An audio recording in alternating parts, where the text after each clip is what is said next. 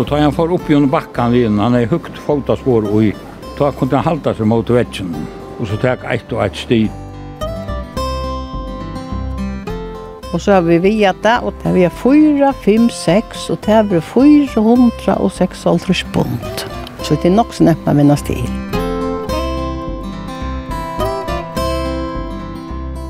Han gjør det så over at han ripa i neva nyer av båret her, bom! og så kom rivan i.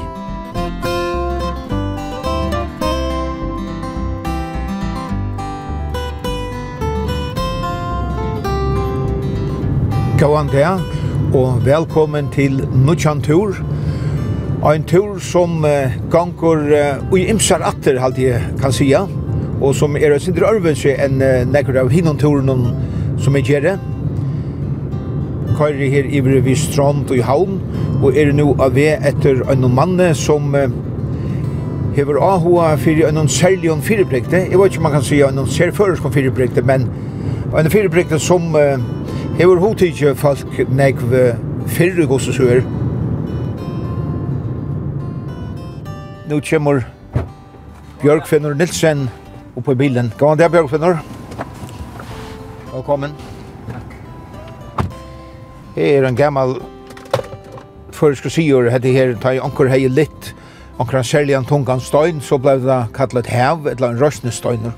Du har skriva om høv og røsnesteinar, ja. og, og du har skrasett kring landet. Hva er det som hodteket det vi tar Altså, for det første så er det at røsne at uh, lytta en stor steine. Eller et hvert annet tungt ting, det kunne til dømes være fulaten, Det blir råkna som ytterste hev av dette fylatonnen av sinne. Men um, alt hans søvann som lår opp, opp vi her, launa føtje, som har livet for kanskje flere hundre år siden, men eisne inn i okkara ølt. Og nu vet jeg ikke hva det nødjaste hev er i førjen, men jeg halte til er hevet ved Norrlandehuset. Det er et, en flætesteiner som uh, stender utenfor husene her, er klar til å lytte, og her er det åtta håndtøk alltid, åtta tjauer. Man skal lytte fela. Eh, det kan løse seg hvert, men ikke alltid, verre enn så. Hvis uh, tog man skulle lytte inn her, så la ut i hien, og det er nok ikke kvinnet. Oj, nej, troj, oi, Och så hade vi 1, 2, 3, 4, 5, 6, 8, 9, 10.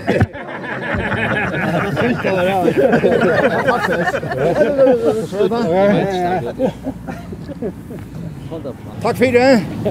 Nå, men hatt er klarer vi vidt. Ja, det er... Ja. Litt av støynen utenfor Norrland, så vi tar er hjelp fra Bæger kringkvarpen og Norrlandhusen og anker som kom fram vi. Ja. Og Joar Mauer som kom fram vi her også. Ja, det er størst. Nei, kjærpe kjøtt og alt det, ja. Var det nødvendig folk som lytte, eller hva? Ja. ja. En kvinne og åtta manns. En kvinne åtta mann. Alltså det var det nutje handtøk. Ja, vi lytte den vel og virkelig oppfra. Men uh, nu ganger så la jeg ned igjen. Brynjemanna av Brynjemannabor. Av Brynjemannabor, ja.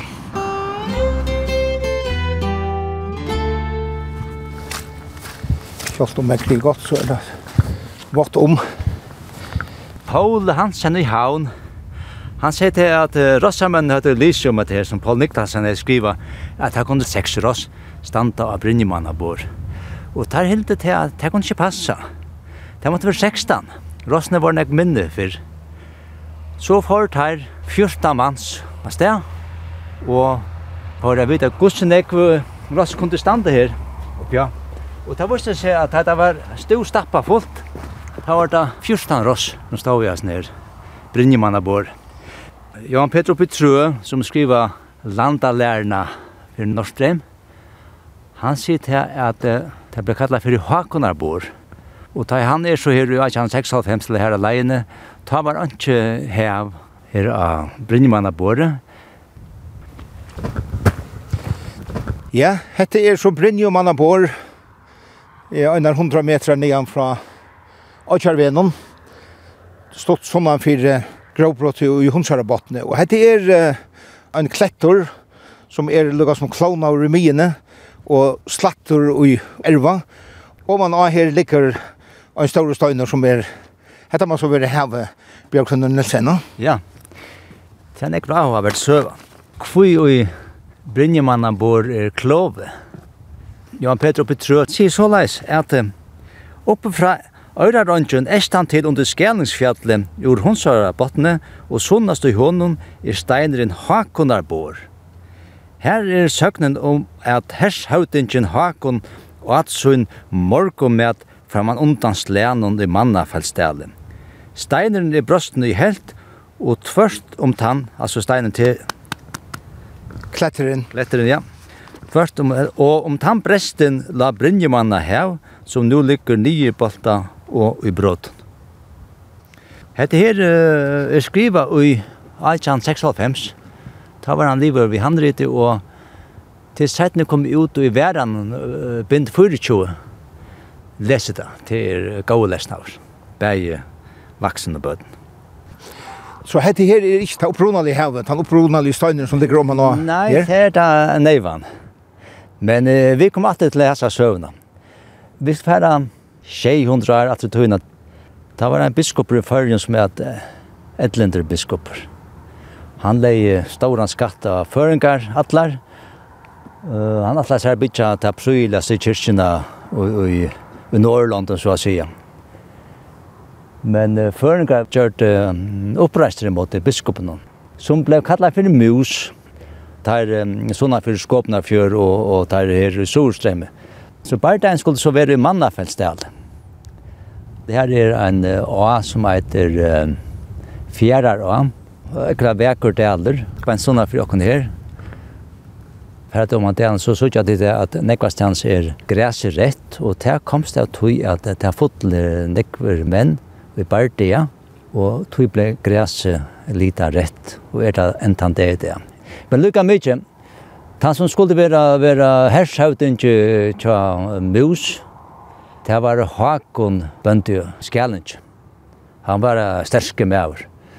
Og så savna han allar uh, menn her i Norge. Lykka fukle og helsesor her til Skjælings. Der så savnas om uh, Brynjemannabor, et eller annet Håkonarbor. Der så lytta en steine, en heve, og han skulle byrja Håkon. Og han lytta det som en røyk. Men uh, Så kjem han neste her, og han, han, nei, han klarer det ikke, og så er. Og han gjør det så over at han ripa i neva nye av båri her, bom, og så kom riva i. Men lukka mykje tar åt uh, gav morgen med at han får i party, ja, så leis. Så det har vært trester, nekk kjerspikjøt og hva var det. For så om han i mannafellstel, og her var det soringene og tog imot dem. Og så var partyen, og tar tapt og partyen, altså uh, soringar. Sånn men tapt, men eh, det hadde omtid dem lute at hadde tapt. Men så fundar på det. Tar sette seg i samband med uyrar. Finket tvei vikingaskip ur Urlandet. Jeg færre herje i førjen til at han naste bardein var. Og han var så nere i Koltfaradel. Og nu kom det mennesker færre fra husen her som var, var uh, norranfyrir. Der måtte vi uh, heima og verja borg. Og bardein bleiv Og sjálvandi musen tappte og flyttet så til kyrkjebøer og sett seg etter nattere og ta kommet der atler sånne menner her. Og ta var det ekra byrkjesbøndene vi sånn åtta rest og provosynen som kom her. Tar svar en døyran ei her at han skulle ikke slippe å være løyve. Musen flyttet så på muren. Han tikk økse vi Han er ikke vannsåpa med seg helter, så han helt og tru samtøver, så orska han ikke mer, så fattel han av ja, muren hon, og ta en brast og, og i vøtlen her, ta stå agrabridges bønten klar i vjøksene og koppa i høtti av henne her. Men så vant av alltid til at så vikingaskipene, ta rande særlig i Esterøytene. Ta hadde vært fuglafyre, og for så langt nord, alle særlig undafjør. Men ta var det gamla her i Øntafyr, en som tog Remangant. Hon smekka i eisen nevan i en klett som tog ikke klauna i. Og ganta i se vikingaskipene til å standa og rinka i allar æver. Og fjerde nord til Øntafyr så er tvær store klettar ut fra landet. Og tar standa inn og rinka rydla.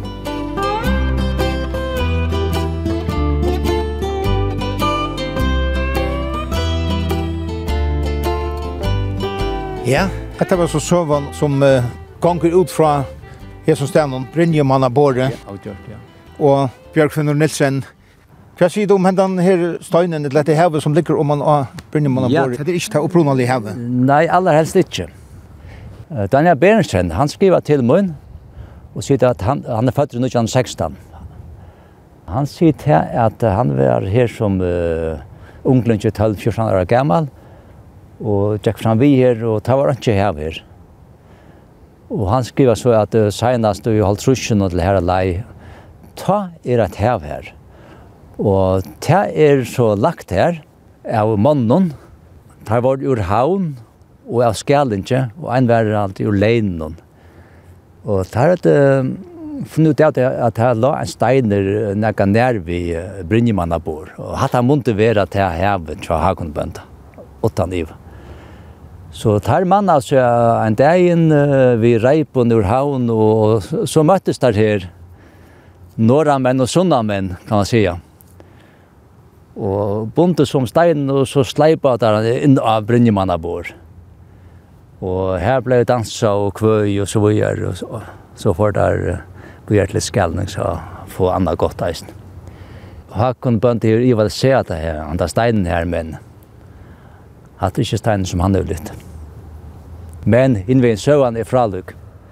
Han tar for det litt da? Ja, det er han så avgjort, ja. Tøy at uh, du skal finne jaunveine her, og til kjøtta han koppar, imsa veis.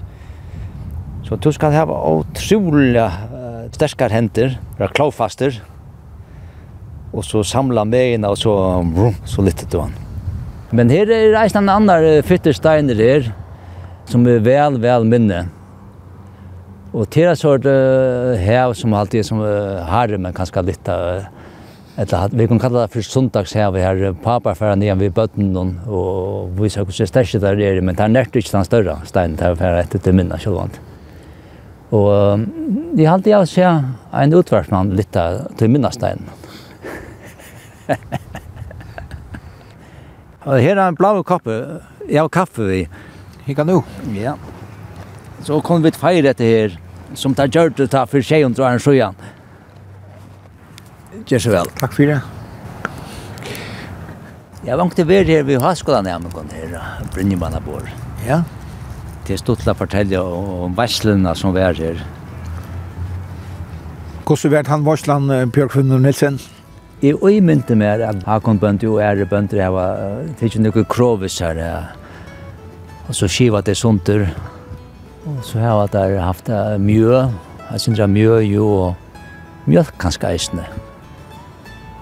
Og så har det drukket nek vatten her alene, her, så det har eisende drukket vatten.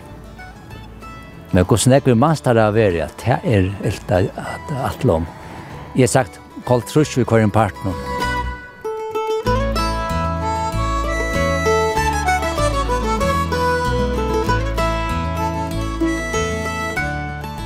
Jeg lette at ikke da jeg kom ut.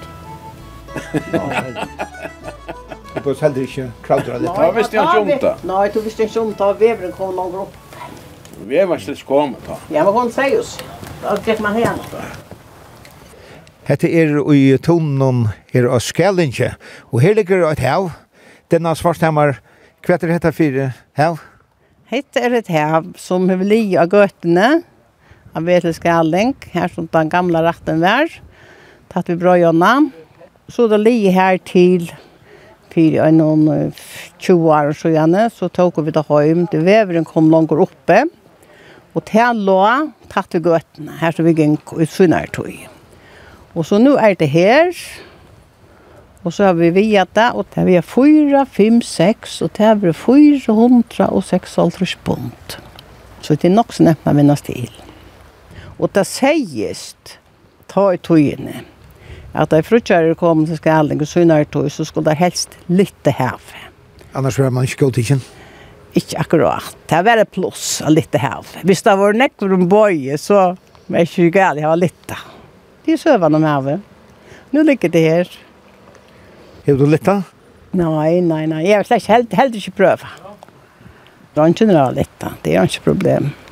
Det er sin drafantaliskap flytta lite att man kan ha band för rum och så göra några läckor för rum så då nemmer jag lite.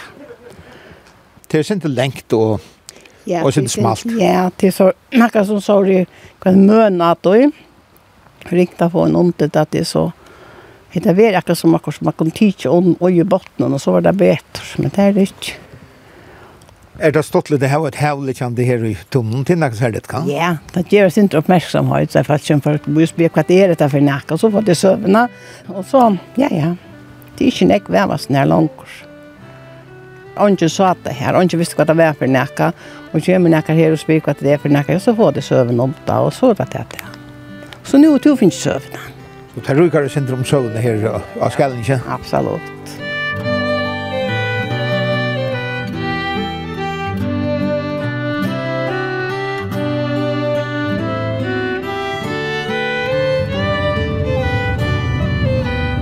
Björk Finnur Nilsen, nu er vi om man fyrir Syrgøt, og, og ja. du har sagt fyrir meg at et hev skal det være her ångstene, ja. og Isaks hev, og så har vi ringt til uh, Anfinn Husgaard, som ja. er, som var dumt, men han var ikke usro i at han er her enn.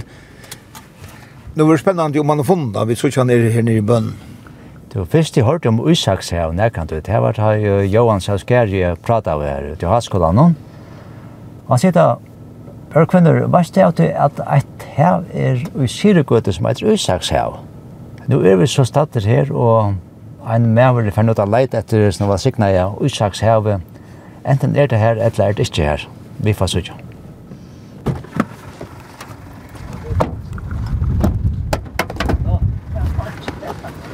Gåan det, Anfinn. Gåan det. Jeg tog løyta. Er du funnet i havet?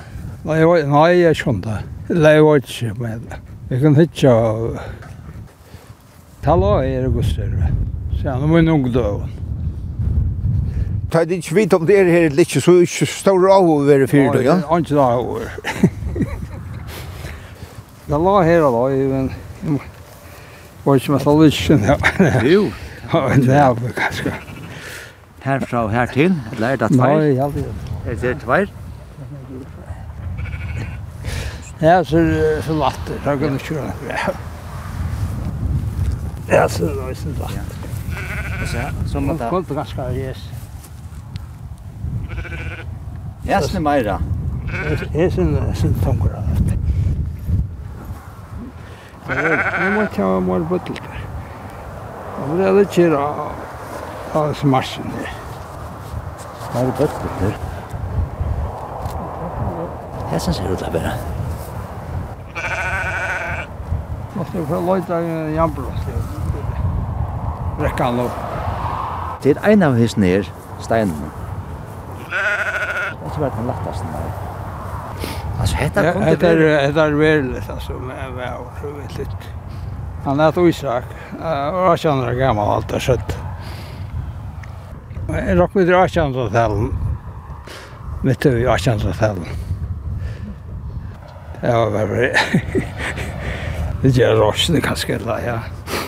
Ja, vi ser sterskere. Ja, ja, nettopp. Men du minnes han som at han var uh, rundredla, er rundredla, så det er? Ja, det har alltid minnes så jeg er nok så rundredla. Det kan kanskje være snært her, så man ikke la her og jeg snær marsjen her. At det var gammel bømarsk, ja. Det var her og lå i alt, synes jeg. Vi kom at du nøyvann nekvnar på nu, va? Jo, men... Ja, det kan være så for å grave etter Rosenbassen han opp i det ikke. Lætja det sin opp. Det er kanskje snir. Annars så kallar det en fyrir gamla Petterpalle. Vi var på så av var. Men det är inte här direkt. Han är bara støyner till husen til gruntene. Det er da stora støyner. Ja. Og da er Paul Lepa sånn, så han er kommet seg innan. Jeg tror ikke nok jeg var han kjønn nå. Men hva sier vi om det her, Bjørkfinner? Dette kan kanskje være godt evne til å gå til folk til å finne det, va? Ja, det er alt da. Til å få fædre en jernbrott, så. Det er ikke lagt opp på at folk søgner, så. Vi må prøve om dere orsker jeg lytte. Thank. Bjørkfinnur Nilsen, hvordan ber det til at du fikk AHA 4, tog som vi kallar høv, eller det var også nevnt Røsnestøyner? Altså, da byrja vi en tur til vi reis, det var vi Haskolan, ja. Da får vi til Mula. Vi kjenker etter gamle bygdagøten her. Og her lå et hev, Det var annat som en, en dråpe kan man säga, men over enda noen. Her var et hål i jöknen. Og han som skulle lytta heven, han skulle um, stinka armen i jøkken og så lytta. Og de fleste av dem kunne klare av det, så det, det var ikke særlig tungt. Men nu sett ni Arne har vi så sport etter det her heven. En med råkna vi at det var ferden i veien som ble kjørt til Mola. Da jeg så kom til Sorle Havnar, så hukse jeg med at jeg fikk brett til å gjøre en fyrlester om, om høv i fargen. Så jeg ringte jeg Fatmanestavn og spurte om der hadde en lista i høv i fargen. Og det svarer av nei, det har vi ikke. Så også vi meg selv at ja, så er bare forholdt vi at gjøre en slik lista. Det første som kom på seg ut tog var til at vi helt det fyrleste røve av Ola søkefunden og Haskoland og Fimmerfors var det, ja. Og da har jeg langt samlet en, en rikve av tilfeller her, så det ble en fyrleste skakstrykka røve folk var ser ahua, det fikk så vidt at han da. Jan Sasker, vinn med munn, han takket meg for røven og sier, ja, ja, du kjørt du hålet kjekk for nå, er du hans skolen med over. Jeg var ikke stolt av det. Men er det her vi et lite høv, Røsnestøyner, er det noe som er ser først? Nei, det er ikke ser først. Altså, jeg har kanna i Norrlanden og finnes ikke noen opplysninger, men... Uh, Jeg har alltid helst ur, ur Osland til er nekka få. Og tjeje fors uh, alt det var, var jeg ved Norrøna fjellan i Hetland og Orskonatsjen.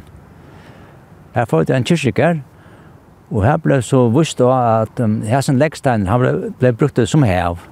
Da menn vi var og kater og gavn det, så, så det var hvor største det var. Men at det kommer i ivanleste ur vujengatøyene, det er litt av stauren stein og så gjør. Er til om hundra høve følgen. Her er vi 40 prosent vanlig mannfolkahøv, som menn hava litt. Og han er fyrir kvanstein eller kvart hev er svært navn og familie og så videre. Og 20 prosent av sånne hundra til er konefalkahøv. Her er eisne navn 84, nøkker av dem. Og 20 prosent til er kappahøv så har han høy som vi kunne kalla fyrir beitasteinar til ønsken er litt av sånne stora klettar der bryst til vi kunne tega døme som Sigmundarsteinar er, er stor i, i Kvalpa der vi er jo flere tons men tillukka som fyrir heira mannen Sigmund og, og Taur og der som var part vid teim der var fyra til samas, fyra steinar alle via nøkker tons til samas. Det samme ute i Fugli, her, her er at jeg vet ikke hva, Haldan Ulsine, til kappahøv. Så vi tar faktisk uh, mannfolkahøv, og, og man kunne sagt konefolkahøv, men det er altså neida konehøv, og så jeg ser kappahøvene. Og så kan man færa til mannfolkahøvene, at du, og alt kunne vi kalla for fermingahøv, tranger som vi gikk til, det tar rundt av vissa hos største der bor, og, og onker klarer ikke å lytte til, så han ble happaver i Valest. Er du så høv, altså, kring Atlantet? Høv er uh, kring alt landet, det er det. Er minst nok om uh, at Sandøkken er uh, flest høv, i måte til Og det er utroligt at vi i en sånn bygd som uh, Husavik, her er uh, en 3-4 høv, det er ikke smavis. Men jeg har skrivet alt opp, og jeg gjør det et kort, eller jeg har blindt førre kort, og så har jeg sett krosser for hver høv er det Men det er vanlig at, at folk færre få større av for i høvende førjen. Det er noe hodtekende søve alltid. Om røstene og brøkta gjerra og så er det. Men vil jeg vise at etter jeg, så er det hvor sterker jeg er. Viljen at han fyrer det hele. Og så er det han, han søvan som er rundt han om. Altså, folk tar seg jo om det. Men tar aller sterkaste männen, tar väl inte vita att han näkar hugg meg, mig att litt. Hvis han ikke klarer det, hva så. Jeg var vikar i när Gliverund och 4-4-5-4. Kom han bygge og tja klämta bakka. Han var rettelig sterk. Vi har fortalt um, Osmond Lammehauke, så hadde om han det här klämta backa. Att han för, uh, det hade byggt skolan här av Gliverund. den nutjade skolan här ta grået der og kom fram var stora steiner så vi er og alt det her. Og så nu en dag nu kom det fram en stora stein og tar røyna litt han på sur grivjene men det her kom onkel nei så sier klemt av bakka lät meg säger han så. Så tog han den där stora steinen här och bläka han upp på griften här. Och så lät jag onkeln hatta ska vara ett hav som ska ligga och i skolagärn. Och tajta så kom jag alltid från dövra. Tala steinen du skälja sår Han vil ikke ha en nekar så litt av stein etter seg og, og bråta seg, eller få en diskusprolaps bort ur og sånn. Nei, nei. Så fikk jeg vite at uh, der som heter Fjærbygvann, der fralukka Estrøyar blei, Tar er gjort uh, sitt utdarsta for at uh, sauna ødle høv i Estrøytene, og skriva uh, nok så fett om det. Og det har jeg vært eisende kvekt min ahua, at, at man sagt vaksne menn færre holdt vi sårnega. Men det var, var det, han sjakket Sigvarsen og Per Hansen. Ja. Det, det var blei større eller så. Hvordan landet kom det blei ut, veist du? Altså, det var noen få år, da? Ja, det var noen få år. Det har vært gjort etter arbeidstøy, så orskan er jo skjer, altså. Musikk Onkel tog hei for jeg sterkaste med hvor vi har funnet middelen fjøll og litt høv, eller røsne steinar. Men uh, for jeg sterkaste med nå er Bjarne Nilsen. Han er uh, ikke middelen fjøll og litt høv. Han er her nede i Midtbøynen i havn og vener av fitnessmistøyene Børn.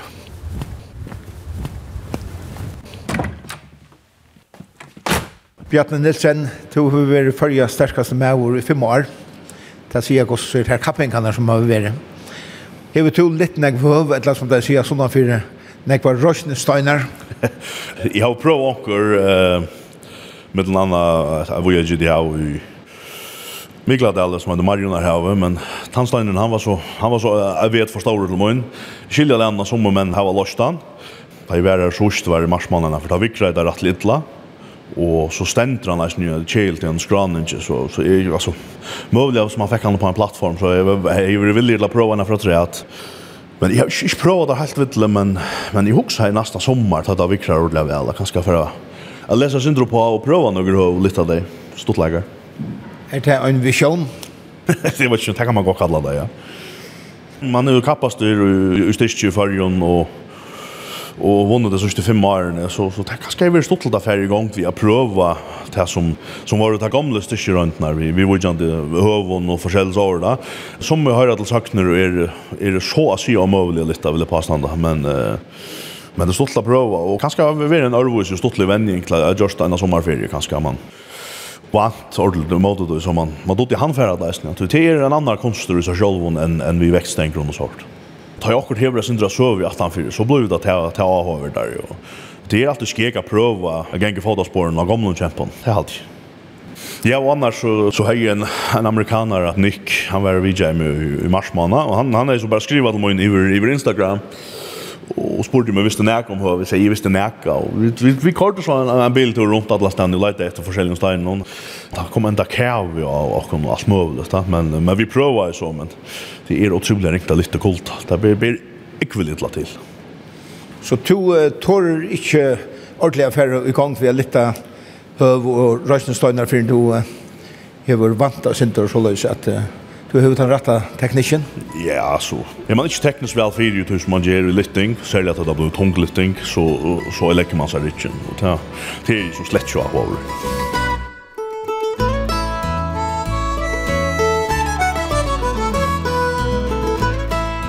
Nu er vi i tyk eldsta bøylingen her i Norragøtta og standa i middelen Blasastov og Klivre hennes her hus. Og her ligger et hev og en stor støyner.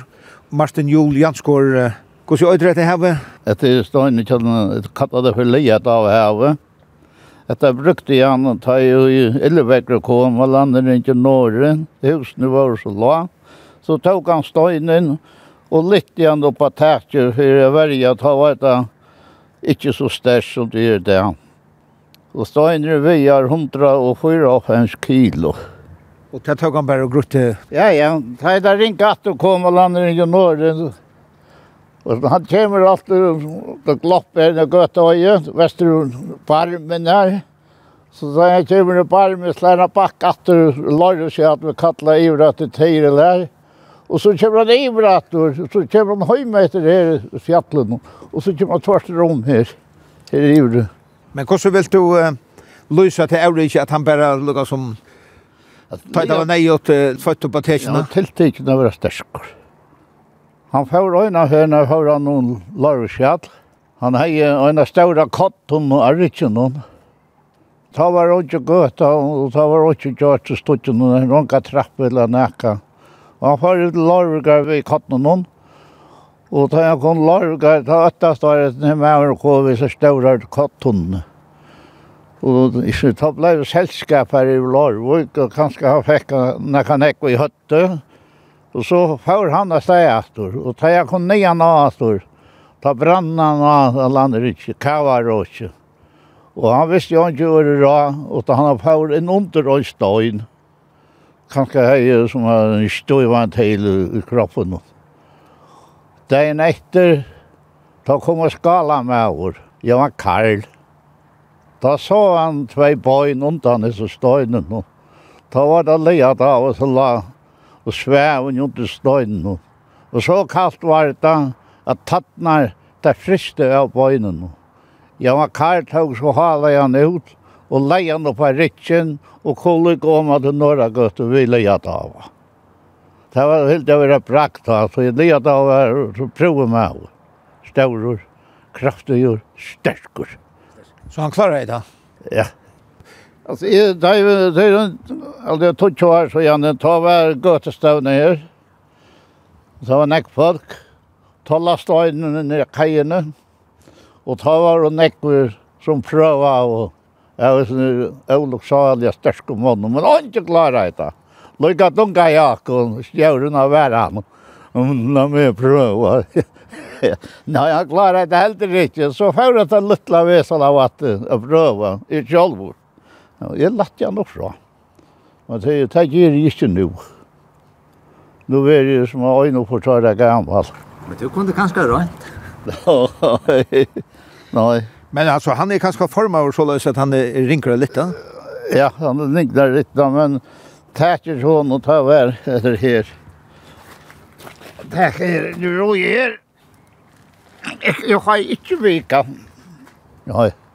Det brukte han som ojkast och på tackar. För jag hållta tackar något gott. Det husker nästan om, om att hjärsta tar ju inte ner och så där men... Ja hjertaskapa hev. Och nok så hövor også. Ja, över det. Ta vi, hvordan var det, hundra og... Og høyre av hans kilo. Så satt jeg livet av at det var 800, da kom hun nord til Tattnovikar. Hestene her. Da lå seg og så brinken her. Han bedre alltid lærne seg rundt alt. Så får han bare sendt han til vi, og så er och ikke seg eller nækka.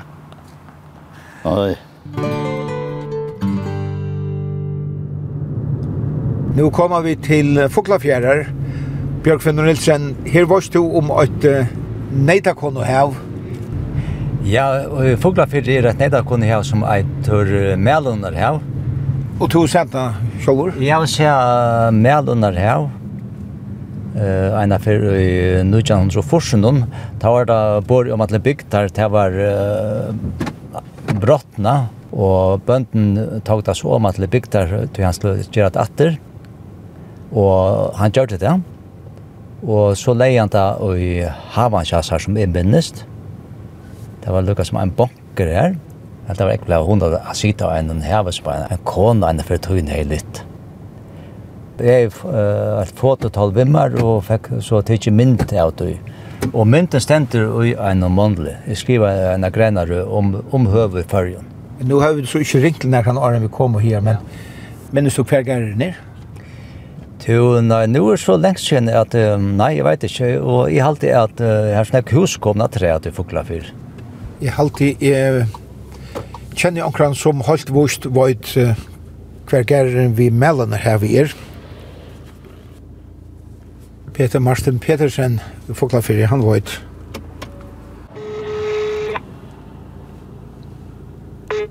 Ja, hallo. Gåan det, Peter Marsten, Taurur Mikkelsen. Ja. Nå, man gav han det, tar du. Jo, er sammen med Bjørkfinne Nilsen. Vi løyte etter gæren vi melonar heve i Foklafyrir. Hver er tan gæren? Ja, som man sier, så er det sitt designer av sjøvarfattene. Tror jeg at her som heve heve liet, vi tog gæren han, det er gæren til Toftabandana. Fritleif Johansen. Han tog fyrir nekvonaren søgjane heve åman av skærenon, her som det la under bandsbrønne, tog det var stått ut vei. Så omvalgte han heve, og så la det i gærene til hånden. Han er alltid atlet at han skulle komme nye natter. Så fire omløy tjoaren sujane. Og kvalitet fører vi nyan, vi var vel mannar, hadde en seks manns. Jeg ber heve som Erland klarer jeg, å ber alt sammen. Men arvi for nian, da får vi når av Havnaläge och fingo via av vektene som var Havnaläge här og da vi er i 176 kilo. Väkter var godt, og vi var seks mans og vi gjort og unna sig ram och lägga da. Og så var det plass til at seks mans kunde bære. Og jeg hadde vidt hatt oss som en skiftemanning vi, og tar ikke ingen som fremme for å sunke og gå av kjølskaparsanger. Og Så at her ble ikke sparst vi tykken. Ta i meldene her og være bare på plass etter.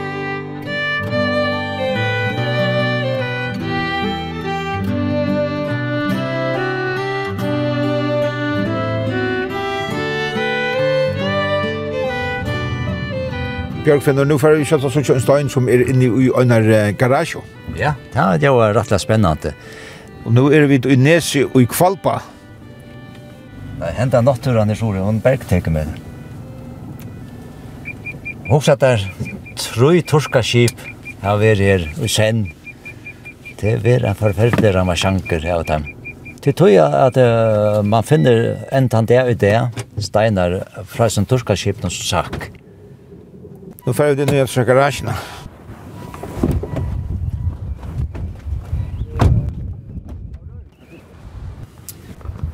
Där är reglering. Här ligger han. Det ska styrka till det lite ända nere. Till så är det säkert, ja. Jan Berg, du har rösten varit vid till att anker har rönt att lite han. Ja. Du, en av sexla tjejer fem saltier, då har grak. också så i Rönnhusen. Det är en våad där kom så var, av vissa styrka. Och då tar jag gränta steinen och han skulle så pröva lite han. Jag halte han hejan leisa, men han fikk ikke lagt han opp på Dessa plattan som hon höjer, det var en meter högt til det här lejen. Men han var ju sin forkøla åt han där ju. Så han var inte nöjd till självor. Men han er en helt utrolig sterk med over det och Adel. Kvinnan kommer så stannar Han har väl ligget tvärst man har små ute av flöten, bönhusflöten som går oppe.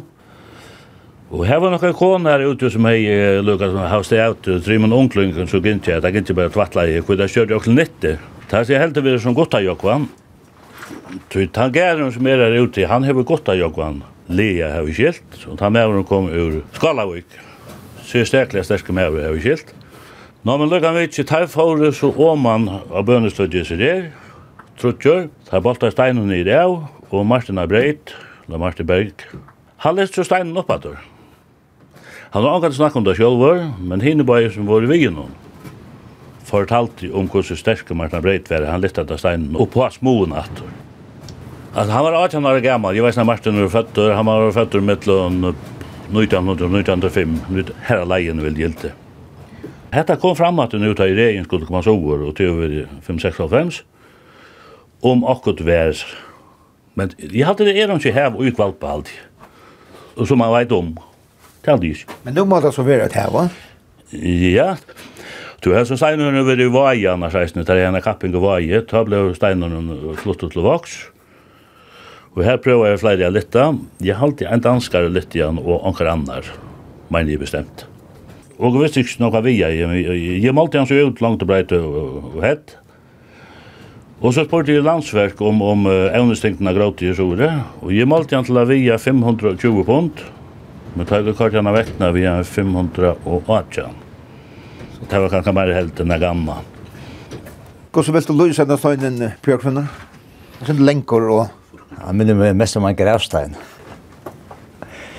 Du, hva er en en meter lenker? Her er det, ja. ja. Og hatten er hva er 20, eller mer, mer enn 20, ja? 20 kanskje, ja. 20, ja. Du kan kan fjøre det på det breieste. På det breieste, så smakker han sinter, ikke, ikke øyla nek. Nei. Så det ringte å få, som man sier, jaun var ut, han skal litt, litt Ja. Så han er ikke lagt til å lytta? Nei, det er han avgjørt ikke. Men man kan gjøre det vi har sett han oppe etter enda, så teker man om myen av steinen og så, før man ned i knøyene, så prøver man på tammatan å litt han oppfra. Det var det jeg hadde det pröva i rejen og, og ärvor. Jag Litt av man som du sier. Ja, du visste noen från det mynter av rejen. Men Jan, nu er han så och gör garage og her i Nes kvalpa og Ja. Er han verandi her, eller hvordan? Du, tant meg her i garasjen er Petrina Berg, som er abbadotter enda gav Martin. Og jeg har skjelt at det er Atlan at han skal lettjast av fruøtje bant nye fyrir her. og kommunen skulle gjøre klart til det og til nok var så ja, men det hender han ikke malen. Så det var nok at at han var lagt ut der så en plat og som kanskje forteller søvnene om steinen. Det kan du være stolt alltid. Nå, men jeg bænt nye fyrir her som heter som går steinen ligger.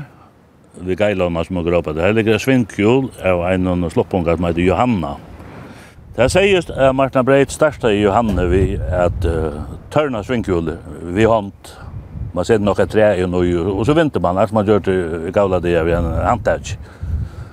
Og det er nok ikke bare bare, som du sier. Det er meter diameter og kanskje 25 breit, lagt over ut. Jeg vet hva det er, en 400 pund. Det er ikke bare vei.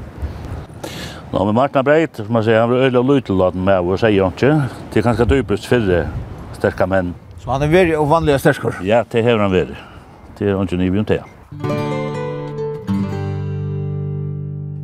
Altså, først er det at vi tar av skrift, av et høyre om, om uh, høv. Det er tar han selv, Thomas Tarnovius, gjør han en bok ut i 1693.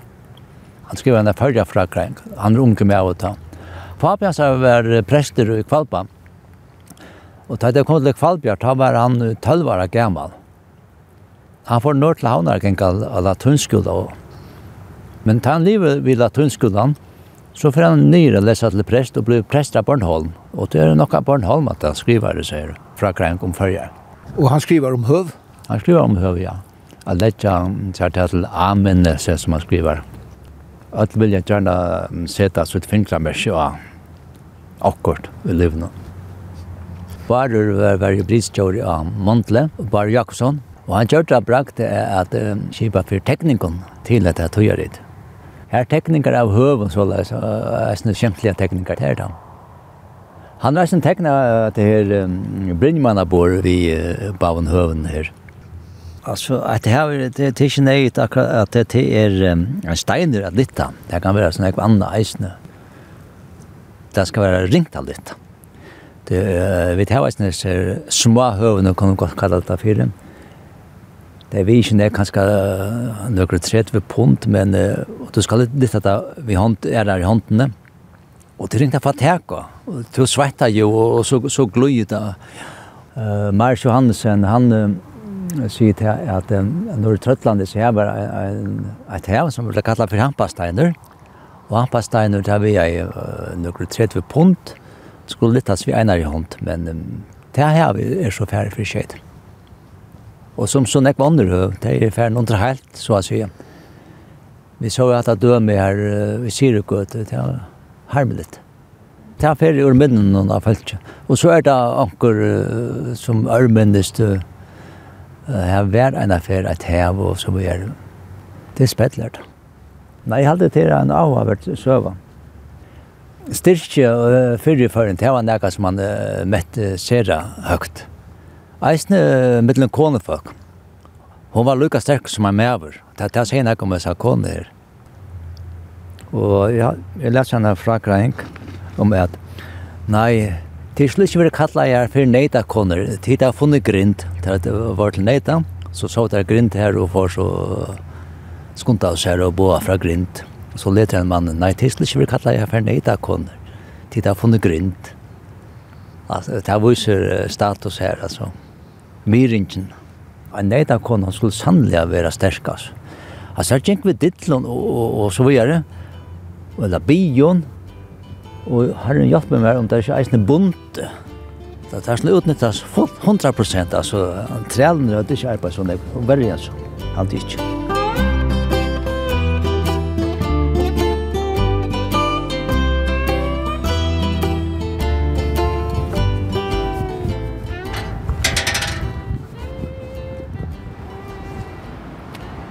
Hetta er han sjálfur som bær steinen. Sterske Simon, ja. ja. Sannelig, ja. Simon Johannesen. Ja. Så han var 36 år til han tøye. Ja. Og i 1816. 16. Og han var født i 1784. Ur Sækarstov. Sækarstov, ja. Og fall i Kjolkonon. Ja. Kjolkunnen til er oppe her, til det som er 18 for. Vi kjølbergsbeinesjøren.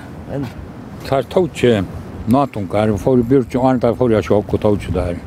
Tar meinte han fikk en stein ut og koppa ut ur tågen. Illa tåg i slittna, det vil de ikke være vi. Så han er veldig sterskår? Tiltid. Han får under bakkan, han leita etter en stein i ber under tjattlun, Du tar om helten av tjattlen var til kjøtt og helten var til torv. Og så skulle han ha en stein for å sette leipen av med han. fyllte han utanfor vid torv. Og han er jo via i 500 pund siden der, men det brottna i jævn, men alt mer. Ja. Han som, han er med og kunne godt være sterkur, men ikke klara litt rundt, han fikk ikke hentet det, han er så avslipa av, av rundt av. Men det sier ein med av, jo klara, han leie han av flætan og så litt han opp, og det var dårlig gamle stov. Han var unge med av det. Ja, ja men uh, Axel Poulsen, nu får du ikke etter det sånn hesen stønnen, eller hesen hevnen som det er ja, ja. i sumpan. Nå håper jeg det ikke rundt å griver i hatt og annars over. En røysne stein. ja. Hette er det huset. Er det her? Ja. Så spennende om støyner ned her inne. Hvor er vant innan figur? Jeg vet hvor støy kan det ikke. Yes. Du er her fyrir bjørgfinner. Ja. Jeg har vært der før, men det er til lengst igjen. 230 kilo, sen du. 230 kilo. Så det får du trusspunkt.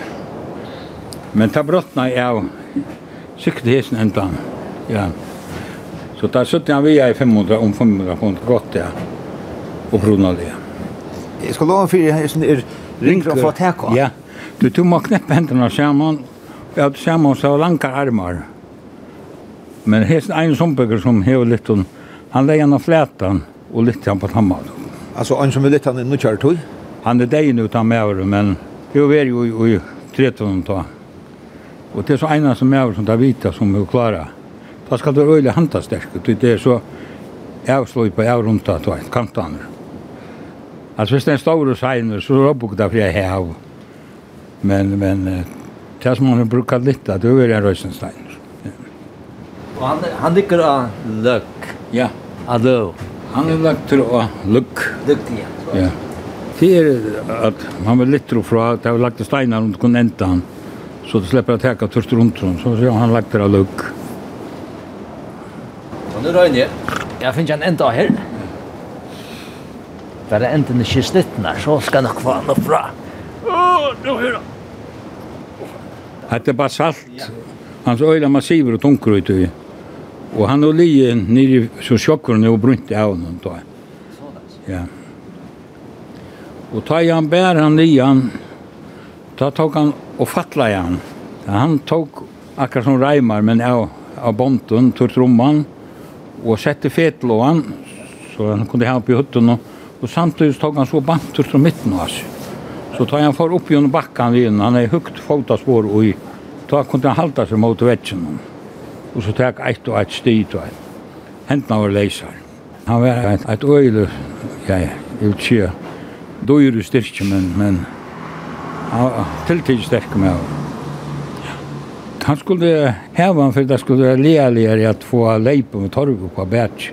Så han lejde han utanför kjallstrapporna Og så sette han seg oan og sette leipen under. Så var ikke fyllt han, og så, så får han under leipen da han fotler.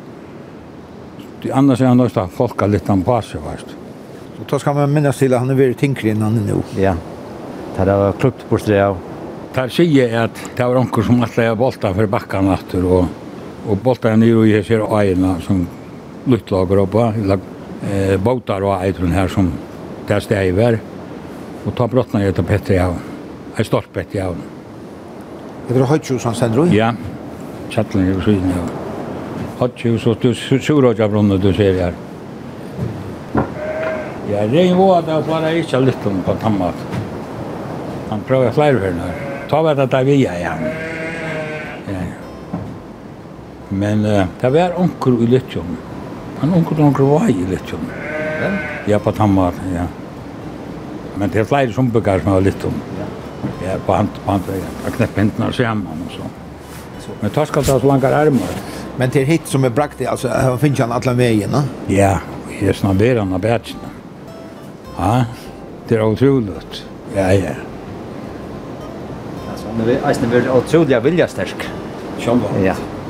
Det vilja är nog så även säga. Sätt sig för att det var så fält. Just ska det vara. Ja, ja.